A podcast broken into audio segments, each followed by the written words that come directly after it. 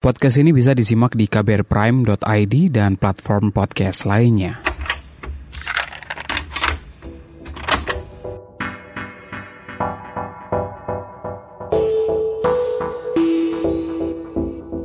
A proud queer, non-binary, dan emoticon pelangi adalah deskripsi yang ia tulis dalam profil Instagramnya. Sementara dalam lini masanya, atau tepatnya Instagram feednya, kata dan merah jadi nyawanya. Lewat kata dan merah, ia bicara perkara cinta. Cinta yang merah, cinta yang renyah, juga cinta yang rapuh. Agak-agak puitis kali ini saya bicara pembukanya. Ia yang saya sebut adalah Ian Hugen, content creator, contemporary artist, dan fashion management student. Barengan Ian, saya bakal ngobrol-ngobrol perkara cinta, utamanya cinta terhadap diri sendiri, atau bekenya self-love. Lainnya, kita juga akan ngobrol perkara menjadi queer di Indonesia. Anda mendengarkan Love Bus bersama saya, Asrul Dwi.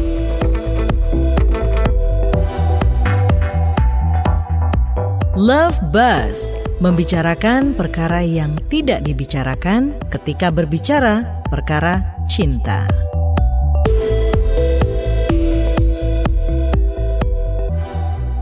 Kan kalau dilihat di Instagram postingannya kebanyakan ada permainan kata-kata gitu ya dan di beberapa foto aku lihat ada kayak performatif juga gitu. Kenapa milih dua media itu untuk jadi medium berekspresi gitu? Kalau permainan kata-kata sih emang gue tuh dari SD kali ya. Gue tuh suka banget nulis. Kayak I always write anything. Jadi kalau misalnya lo perhatiin tulisan gue tuh rata-rata sebenarnya tuh lebih ke kayak rebellion gitu, sakit hati, menye-menye, sedih-sedih gitu kan. Karena gue tuh sebenarnya tipe orang yang kalau kenal gue lo tuh bakal ngerasa kayak lo kok beda banget sih in real life sama tulisan-tulisan lo. Kenapa? Karena gue tuh tipe orang yang kalau di kehidupan nyata nih gue tuh nggak bisa banget. Gue tuh nggak bisa banget kayak eh gue lagi sedih nih, gue lagi galau nih. Gue tuh nggak bisa banget kayak gitu. Nah gue tuh bersyukur banget lewat media menulis ini, gue tuh bisa gitu mengutarakan segala sesuatu yang nggak bisa gue sebutkan dalam kata-kata. Dalam I mean like yang nggak bisa gue ucapin langsung gitu. Jadi kalau ditanya kenapa gue bermain dalam kata-kata, sebenarnya ini adalah salah satu media gue untuk mengekspresikan hal-hal yang nggak bisa gue utarakan secara langsung. Terus kalau performatif,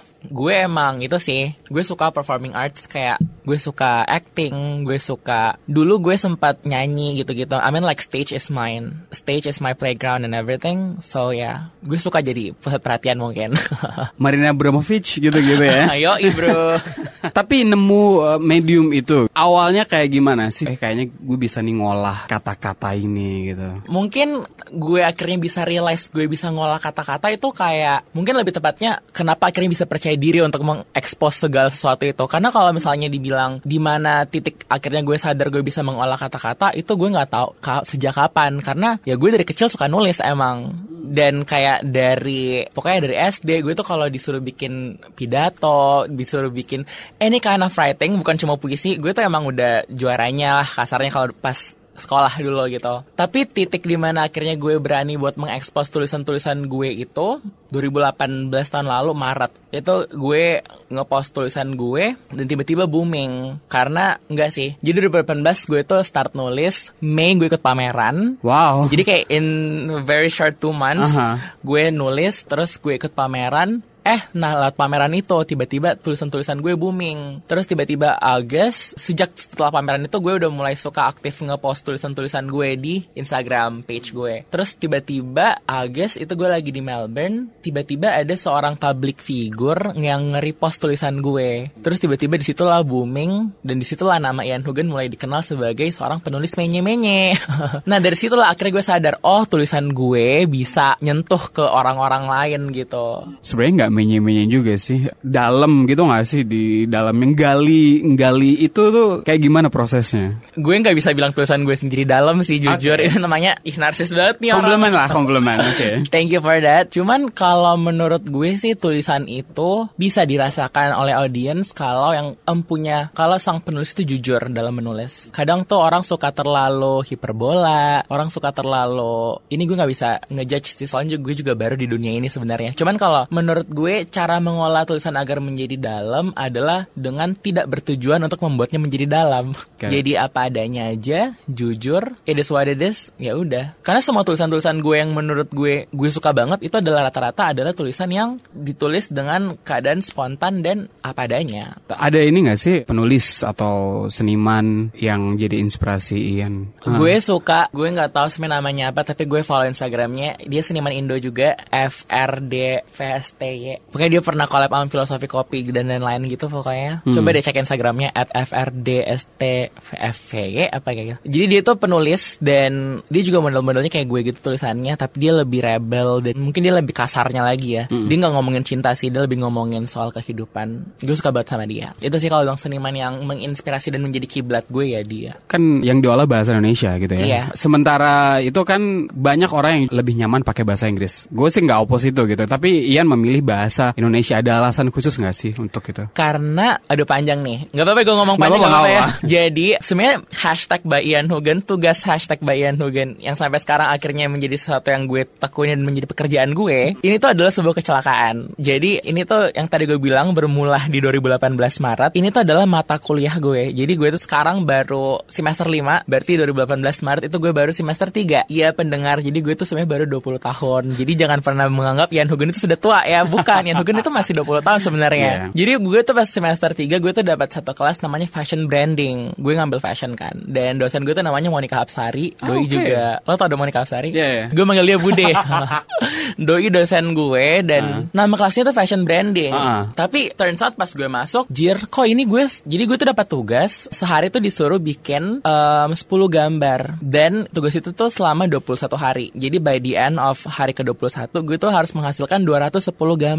Jadi intinya tujuan dari tugas itu adalah untuk melihat lo itu kira-kira jati diri lo itu dalam branding lo itu apa sih? Karena menurut doi, menurut dia metode ini tuh kayak waktu lo melakukan sesu- sesuatu yang repetitif terus terus terus terus terus terus itu entar jati diri lo tuh semakin kelihatan. Apa yang lo terus ulang-ulang itu yang lo banget lah istilahnya. Dan akhirnya gue tuh baru sadar semua hal yang gue ulang-ulang-ulang-ulang itu adalah menulis dalam bahasa Indonesia. Karena menurut gue bahasa yang kita gunakan sehari-hari itu kan itu bahasa Indonesia kan? Jadi pertama itu lebih dekat lah dengan kita. Yang kedua ada banyak banget kata-kata yang aduh gue nggak tahu ya mungkin bahasa Inggris gue emang jelek dasarnya juga kayak gimana gue nggak ngerti. Ah. cuman ada banyak banget kata-kata yang kayak gue tuh nggak bisa menggambarkannya dalam bahasa Inggris. Tapi when I write it in Indonesia in bahasa kayak jir kok kena gitu Jadi kalau ditanya kenapa gue pakai bahasa Indonesia, mungkin menurut gue karena bahasa Indonesia itu lebih dalam, lebih bisa menggambarkan apa yang pengen gue sampaikan. Dan mungkin kalau audiens kebanyakan orang Indonesia lebih ini relatable gitu kali ya sama orang-orang. Mungkin, probably. Udah punya kesadaran akan bahasa dari sejak lama gitu, bahkan sebelum kuliah kan tadi dibilang. Iya. Kenapa kemudian jatuhnya milihnya fashion ya, untuk kuliahnya, nggak milih apa sastra aja gitu katakanlah? Karena banyak banget sih hal-hal yang sebenarnya lo harus bisa bedain yang mana hobi, yang mana yang cuman buat senang-senang, yang mana yang emang bisa jadi jaminan lah buat masa depan. Oke. Gue tuh dulu, aduh, masuk fashion pun ini adalah sebuah hal yang kayak lucu juga gitu. Kok tiba-tiba fashion? Karena gue tuh dari, sebenarnya gue suka fashion dari kelas 4 SD. Cuman gue tuh pas SMA itu matangnya mau ngambil psikologi. Karena gue suka banget ngomongin soal kejiwaan, ngomongin soal manusia as in human gitu. Gue suka banget. Jadi gue tuh, tuh udah daftar mm, negeri, gue daftar UI, gue daftar swasta juga Atma Jaya. Tapi gue nggak dapat, gue nggak dapat dua-duanya. Terus tiba-tiba karena udah hopeless dan karena gue tipe orang yang gak mau ngambil gap year, kan banyak tuh orang yang udah lah lo nunggu aja setahun lagi lo ngambil negeri lagi coba tahun depan. Nah gue tuh tipe orang yang nggak bisa banget tuh kayak aduh setahun gabut gitu-gitu gitu. Ya udah tiba-tiba gue ditawarin sama kampus gue yang sekarang nih tiba-tiba kayak em, ada kayak eh lo mau nggak nih masuk fashion fashion gitu-gitu? Gitu gitu ya udah gue kayak why not? Akhirnya gue daftar eh gue dapat beasiswa. Jadi Wow. sebuah kecelakaan yang indah sebenarnya. Kalau gue nggak ngambil fashion gue nggak bakal ketemu sama seorang Monica Apsari kalau gue nggak ketemu sama Monica Apsari ya mungkin tidak adalah hashtag by Ian Hugen hari ini. Jadi Takdir kali ya, tak- bukan kecelakaan. Silakan yang indah sih yang gue menurut gue. fashion sedikit banyak kan sebenarnya mengizinkan orang gitu kan untuk mengeksplorasi dirinya. In terms of apa yang lo rasain di dalam diri lo, lo bisa ekspresikan gitu. Benar banget. Dengan apa yang lo pakai gitu. Itukah yang bikin Ian jatuh cinta mungkin di fashion? Gak tahu sih karena menurut gue kalau apa yang bikin gue jatuh cinta sama fashion itu karena menurut gue gue tuh suka aja kalau ngeliat orang berpenampilan bagus. Kadang tuh gue tuh kalau ngeliat orang yang berpenampilan kurang bukan bagus sih bagus itu relatif ya. Kalau menurut gue, aduh kenapa sih ini orang gak bisa gitu berpenampilan seperti yang kayak menurut gue bagus. Kadang itu gue pengen gue tuh kadang bahkan gak sungkan-sungkan buat datangin orang itu dan kayak lo coba dia pakai celana kayak gini gini gini gini. Jadi beneran sampai kadang tuh nyokap gue suka negur gue, kamu tuh nggak bisa tahu kayak gitu kalau kamu nggak kenal sama orang itu. Karena Ian Hugen dari kecil itu suka banget kayak gitu. Gue itu kalau dibawa sama nyokap gue ke arisan, gue tuh suka tiba-tiba datengin teman nyokap gue, tante tante bajunya gombrang banget, coba tante kayak gini gini gini. Dan nyokap gue tuh kadang udah kesel gitu sama gue nih, anak nyolot banget sih kayak. Karena gue tuh dari kecil suka gitu ngelihat orang berpenampilan oke. Terus apa yang bikin gue jatuh cinta sama fashion? Gak tahu sih karena menurut gue cinta itu tidak punya alasan kali ya, asik. Jadi kenapa gue jatuh cinta sama fashion? To be honest, there is no kayak alasan khusus sebenarnya. Cuman mungkin benar kali ya karena fashion juga has no gender. Dalam fashion sebenarnya bukan fashion doang sih, art mungkinnya. Dalam art itu tidak ada batasan-batasan sebenarnya. Ya mungkin karena kita tinggal di negara Indonesia ini yang penuh batasan. Akhirnya art pun akhirnya punya batasan, tapi sebenarnya art itu tidak punya batasan. Jadi menurut gue mungkin itu kali yang membuat gue jatuh cinta dengan not only fashion but art karena art itu seperti apa yang Einstein pernah bilang, imagination has no limitation. Mungkin itu kali ya. Ngomong-ngomong soal ekspresi diri gitu. Ekspresi gender eh, buat orang di sini kan sangat masih biner gitu lah ya. Laki-laki dan perempuan. Oke. Cuman segitu doang gitu Iya. ya. Sementara kalau Ian kan nggak ada di sana gitu ya. Nggak ada di kanan atau kiri Nggak ada di gitu kanan kan. atau di kiri, oke. Sampai kemudian ketemu berani mengekspresikan diri sesuai apa yang Ian rasakan gitu. Em, waktu itu prosesnya kayak gimana? panjang banget sih prosesnya untuk akhirnya oh ini gue gitu. Jadi Hmm. kalau misalnya kita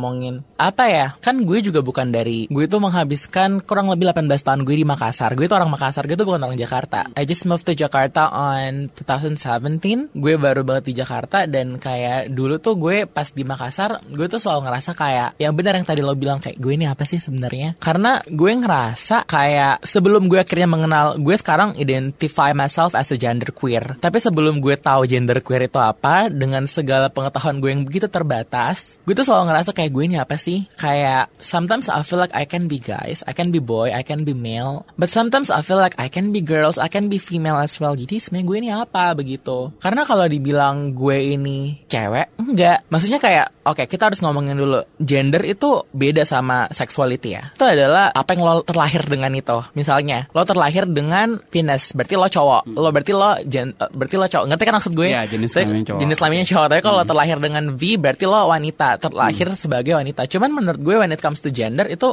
more into role.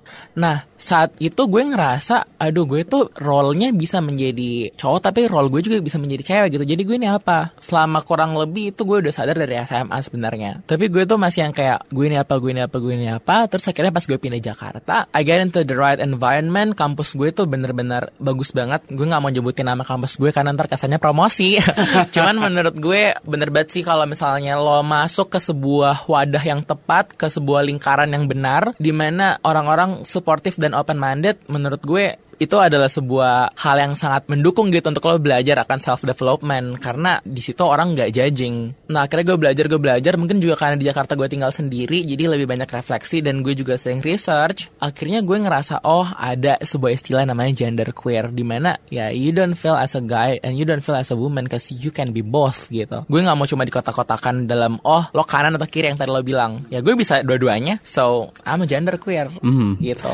Kalau boleh diformulasikan gitu ya, menurut Ian gender queer itu kayak gimana sih atau definisinya seperti apa? dia tuh nggak mau dibilang cuman oh lo cewek ya dia juga nggak mau cuman dibilang oh lo cowok ya ya I can be both gitu ya gue cewek dan gue cowok I'm in Batman Secara kultural kan lahir dan besar di Makassar gitu ya. Iya. Di Makassar ada Bugis yang sebenarnya kan jauh sebelum kolonialisme masuk atau agama masuk ke Indonesia kan mereka ada lima gender gitu yang diakui ya gue gue gitu ya. gue sempat uh, baca soal itu Hmm. apa sih namanya ada calalai, cal calabai, ada bisu gitu. eh bisu yang Ah. dia nggak mau dibilang cewek dan cowok gitu kan. Makanya sebenarnya gue tuh suka kayak lucu gitu kalau orang-orang bilang lo itu dasar pengaruh budaya barat gini gini gini. Menurut gue eh lo itu nggak belajar apa soal budaya negara lo sendiri? Back days it is all this kind of gender thing justru datang dari negara ini. Justru ya kalau misalnya orang bilang ini pengaruh budaya barat justru lo harus banget tahu. Justru back days orang-orang di western itu yang benar-benar anti LGBT sebenarnya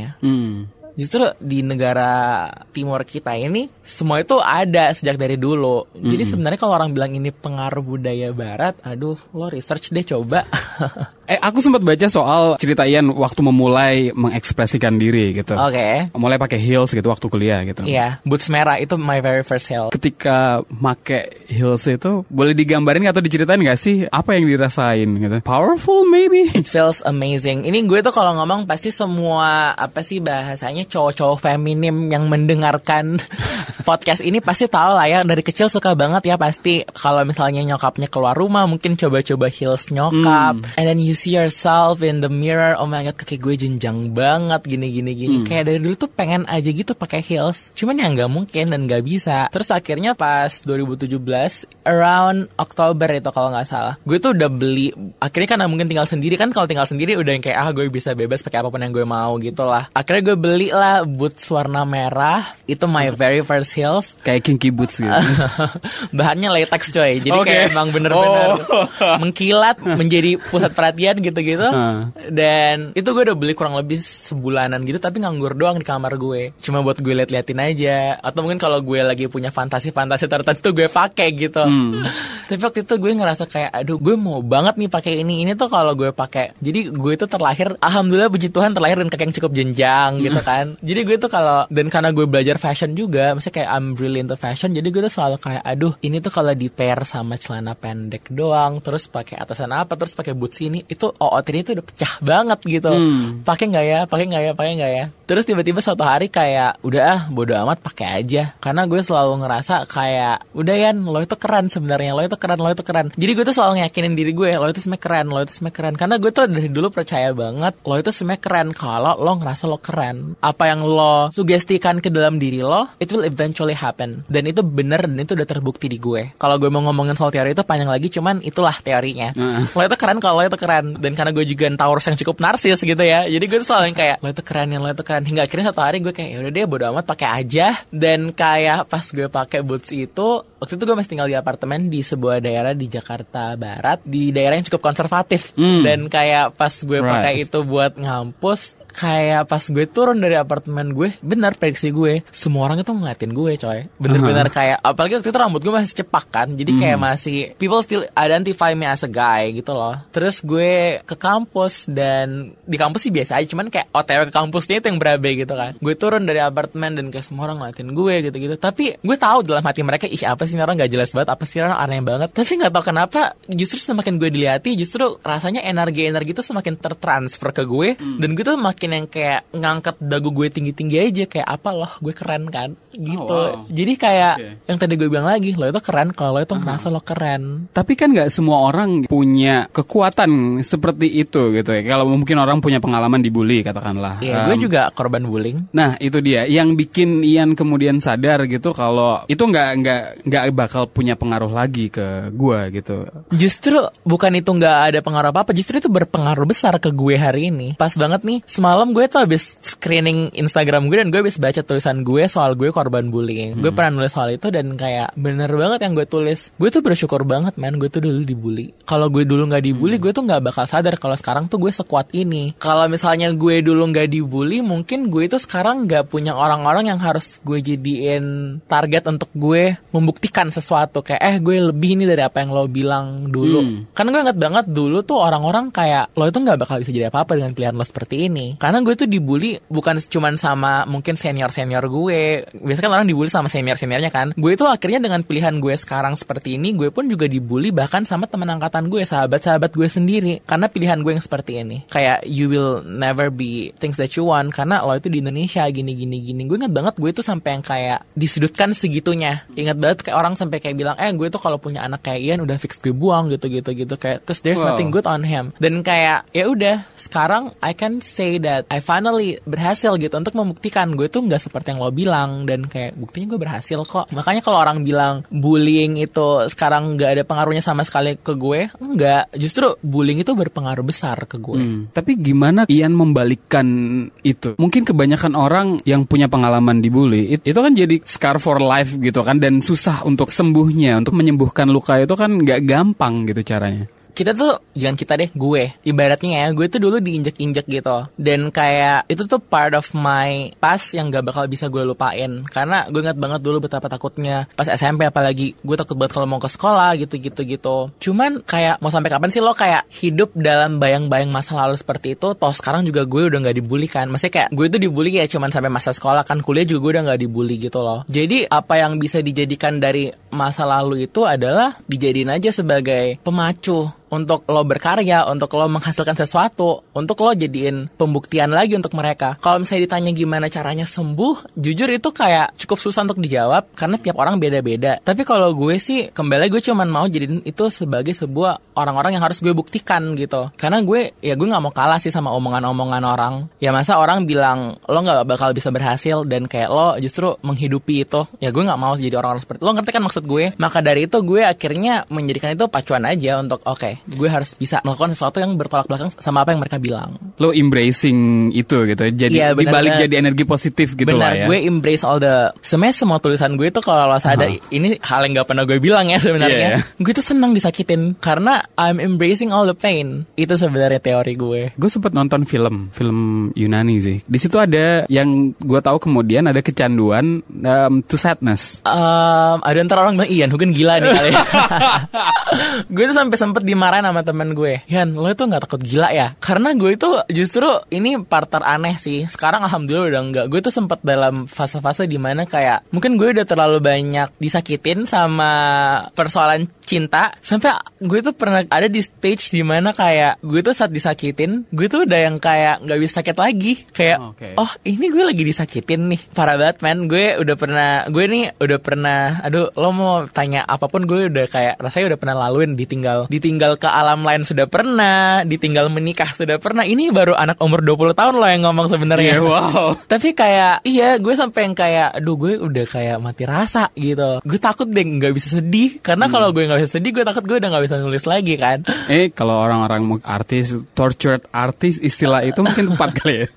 Mungkin kali ya. Karena gue udah yang kayak aduh gue takut deh nggak bisa sedih gitu gitu gitu tapi saat itu gue konsul ke beberapa teman-teman seniman juga dan kayak ternyata juga semua pernah mengalami itu. Kayak teman gue penulis lagu dia kayak iya gue tuh sempet takut ya gue sempet takut nggak bisa sedih gitu gitu In a way that makes you keep going, right? Iya tapi kayak justru sekarang mungkin karena mungkin sekarang juga gue udah cukup masa bodoh dengan urusan cinta karena gue sempat mikir sampai kapan sih percintaan gue jadiin konten. Akhirnya sekarang gue tuh suka kayak kalau ke sahabat-sahabat terdekat gue yang gue tahu oh nih anak bucin banget nih. Gue suka datengin dia siapa namanya gitu sahabat gue Malena misalnya ya. Halo Malena kalau dengerin ini. Suka yang kayak eh Malena lo lagi lagi ada masalah apa lo cerita dong sama gue gitu gitu gitu. Terus kalau dia ada curhat panjang lebar terus gue kayak tapi gue emang suka dengerin cerita-cerita orang, cerita-cerita sahabat gue. Terus kayak ya udah gue kasih dia tips apa-apa apa gitu, gue jadi good listener aja sebenarnya udah cukup kan. Tapi nanti cerita itu gue akan gue olah sebenarnya dan gue jadikan sebuah karya. Saking gue udah kayak udah capeknya gitu kalau percintaan gue sendiri gue jadiin konten. Mumpung lagi ngomongin soal percintaan gitu, em, gimana Ian menavigasikan diri gitu ya untuk part itu as a gender queer di Indonesia yang mungkin secara konsep gitu orang masih belum terlalu paham apa itu gender queer kali. Jadi gue itu I'm only into guys actually. I'm a gender queer but when it comes to love I'm only into guys. Dan selama ini sih semua orang-orang yang sudah pernah menjadi barisan para mantan mungkin istilahnya. Oke. Em, lucunya adalah orang-orang yang kan orang kadang-kadang kayak ini gue ngomong belak-belakan aja kali ya. Kalau misalnya nggak bener juga bisa dikat gitu kan. Nggak apa-apa, nggak apa. Bebas kok gitu. Jadi sebenarnya. kan kayak kadang orang tuh kayak lo itu kalau misalnya lo itu gay, kok lo maunya sama yang bentukannya kayak dia sih? Kan dia bentukannya he looks like a girl gitu loh. Kenapa lo nggak sama cewek aja? Gitu-gitu orang tuh suka mempertanyakan itu ke para barisan para mantanku. Tapi gue juga jujur suka tanya sih sama mereka, lo kalau emang suka yang bentuknya kayak kayak cewek kenapa lo nggak sama cewek aja gitu gitu tapi ini yang selalu menjadi jawaban yang pasti nyentuh gue jadi kalau cowok itu udah nyebut alasan itu gue langsung kayak oke okay, kalau kita mau pacaran gue udah deal gue udah oke okay. selalu pada bilang kayak eh tapi btw ini jangan jadi bocoran ya buat para orang-orang yang mau deketin gue pasti kayak pada bilang karena I like you not from your appearance I like you by your personality by your vibes by your everything bukan cuman dari titik atau apa pun itu yeah. gitu. Dan menurut gue iya sih bener juga karena sebenarnya love is love dan itu benar. Kayak saat gue bertemu akhirnya dengan para cowok-cowok ini gitu, gue akhirnya jadi justru jadi percaya gitu. Oh iya bener ya love is love karena love is something that you feel. Tapi walaupun itu perasaan, lo itu nggak bisa kontrol. Gue tuh maunya dengan yang bentuknya seperti ini deh, bentuknya seperti itu deh. Karena buktinya orang bisa jatuh cinta berdasarkan personality dan otak itu bener adanya. Dan itu udah terbukti di gue. Jadi kayak oke okay, kalau gue menavigasikan diri gue aman lain tuh guys. Tapi mungkin yang perlu dipertanyakan adalah cowok-cowok yang mungkin pernah bersama gue. Bagaimana mereka menavigasikan dirinya. Mungkin bisa diundang ntar barisan bara mantan aku. Ntar gue kasih whatsappnya satu-satu ya. Oh boleh boleh bang.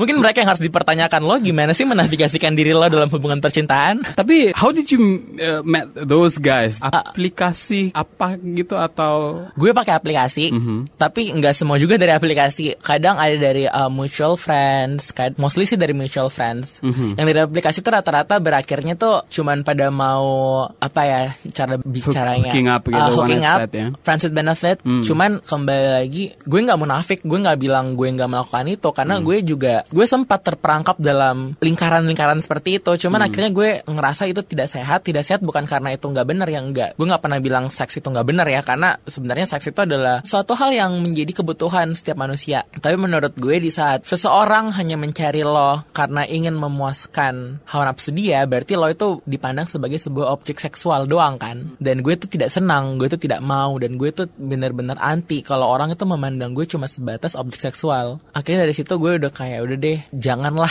kalau misalnya cuma hooking up hooking up aja. Tapi rata-rata mantan-mantan gue itu dari mutual friends. Gue juga ngobrol sama beberapa orang yang gay juga dan okay. ada semacam ide kolektif gitu you have to be in a certain box like maybe hyper maskulin uh, mereka nggak demen orang-orang yang hyper feminin atau even have a slight femininity gitu. Iya benar. Kalau di Indo itu aduh ini kayak pengetahuan.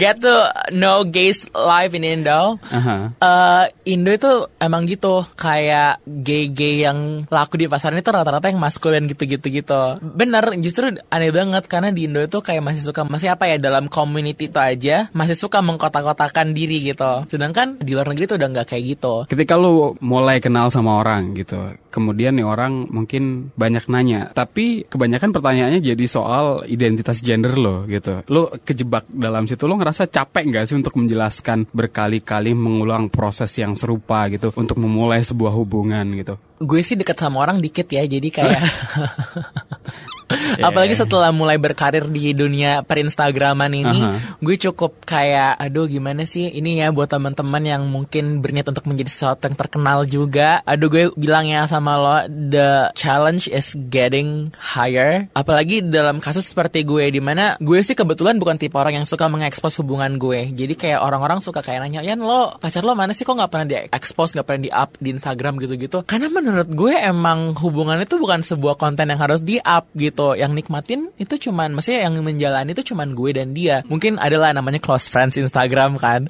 Cuman nah. ya kalau untuk di up gitu gue nggak mau. Nah cuman nih mungkin orang-orang yang mau mendekati gue setelah tahu pekerjaan gue di Instagram justru jadi mundur. Karena mungkin takut jadi konsumsi publik kah? Takut mungkin ada beberapa juga yang masih how do you say it discreet dan lain sebagainya. Mungkin masih kayak ada takut buat akhirnya ketahuan dan lain sebagainya. Jadi mungkin the challenge is getting real gitu. Kalau misalnya when it comes to mendekati seorang public figure. Tapi kalau sekarang gitu, are you single or? Ada deh. Cari tahu sendiri ya, lewat postingan.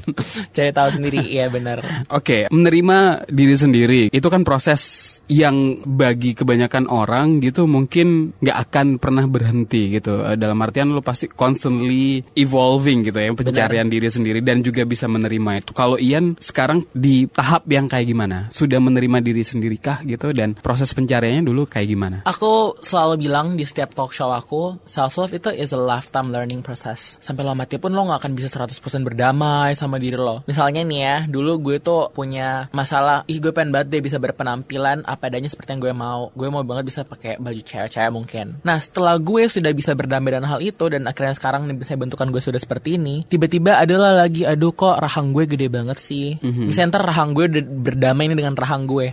Tiba-tiba, duh kok mata gue kecil banget sih gitu-gitu gitu. Pasti akan ada suatu hal yang lo gak akan pernah bisa suka sama diri lo secara 100% gitu. Mm-hmm. Tapi setidaknya lo mencoba untuk berdamai day by day. Jadi kalau misalnya lo bilang gue sekarang udah di tahapan mana, it's kinda hard cause gue jujur nggak tahu gue udah di tahapan mana. Gue juga kalau gue bilang gue udah 100% bahagia dengan diri gue, itu bullshit banget sih. Karena kayak nggak mungkin orang bisa 100% berdamai dengan semua set tentang dirinya. Cuman I can say at least we try. We try to love ourselves. Karena gue selalu bilang dan gue selalu mengamini kalau no one will ever love and trust you if you cannot love and trust your own self first. Kayak lo tuh nggak bisa meyakini semua orang, lo tuh nggak bisa bikin orang lain suka sama lo kalau lo sendiri tuh nggak bisa sayang sama diri lo terlebih dahulu. Bener kan? Gimana caranya lo bisa ngeyakinin orang lain akan diri lo? Kalau lo sendiri sama diri lo aja nggak bisa yakin gitu. Mungkin gue sudah ada di tahapan itu. Tapi memulai untuk mencintai diri sendiri gitu. Dari mana kita harus memulai gitu? Paling pertama untuk memulai itu apa ya? Mungkin kayak lo harus tahu goal lo apa. Lo harus tahu what you want to achieve. Dan kadang tuh kita tuh banyak banget hal-hal yang sebenarnya kita mau banget lakuin. Tapi kita tuh selalu yang kayak kalau gue bikin ini, kalau gue bikin itu, apa ya yang orang-orang lain bakal bilang? Bener gak sih? Yeah. Makanya gue selalu bilang, lo mau sampai kapan sih diam di titik itu? Cuma karena lo takut sama apa yang orang-orang lain akan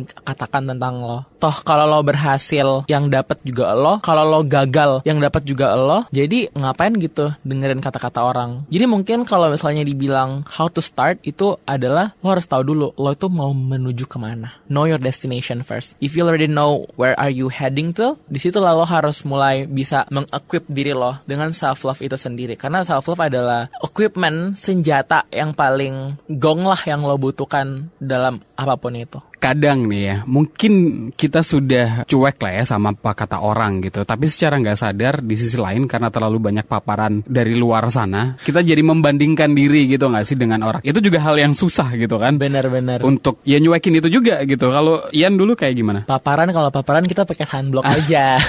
UV SPF berapa?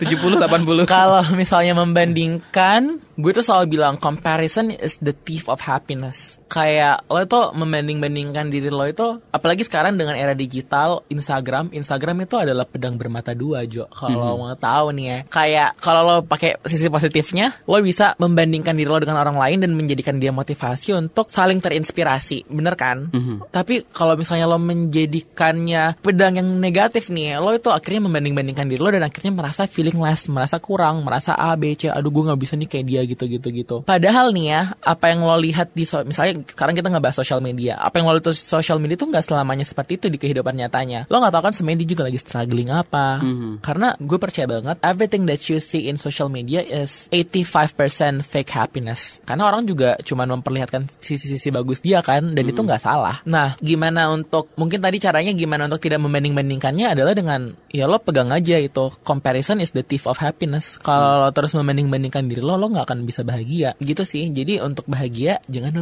membanding-bandingkan diri. Pertanyaan terakhir soal cinta. Menurut Ian cinta itu apa? Love is kalau kata Cherry Bell sih love Cherry Bell. is you. Cinta itu apa ya? Cinta itu adalah sesuatu yang tidak terlihat tapi efeknya, dampaknya bisa segitunya ke kehidupan manusia. Bener hmm. gak sih? Kayak lo nggak bisa ngeliat cinta kan? Hmm. Lo nggak bisa megang, lo nggak bisa mengkontrol, tapi dia bisa bikin orang satu minggu nggak makan. Dia hmm. bisa bikin orang sampai bunuh diri gitu-gitu. Dia juga bisa bikin orang bahagia sebahagia bahagia itu gitu. Jadi cinta itu adalah sesuatu yang untouchable tapi saat dia bekerja itu bisa nyentuh kehidupan manusia segitunya. Kayak buat terlarang gitu. I wanna be loved. Kalau punya saran, komentar, atau ingin berbagi cerita, boleh banget email ke podcast at kbrprime.id dan tulis love bus untuk subjek emailnya. Seni atau juga fashion, kalau kata Ian, nggak punya batasan. Saya pikir itu juga berlaku buat cinta. Cinta itu membebaskan. Kata Eric Fromm dalam The Art of Loving, If I love the other person, I feel one with him or her. but with him as he is, not as I need him to be as an object for my use. It is clear that respect is possible only if I have achieved independence, if I can stand and walk without needing crutches, without having to dominate and exploit anyone else. Respect exists only on the basis of freedom.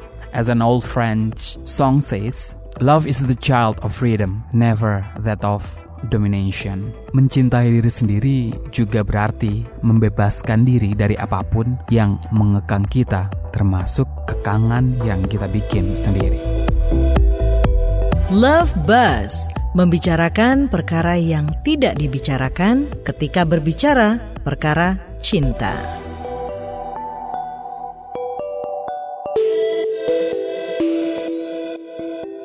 Kunjungi kbrprime.id untuk menyimak beragam podcast lainnya dari KBR.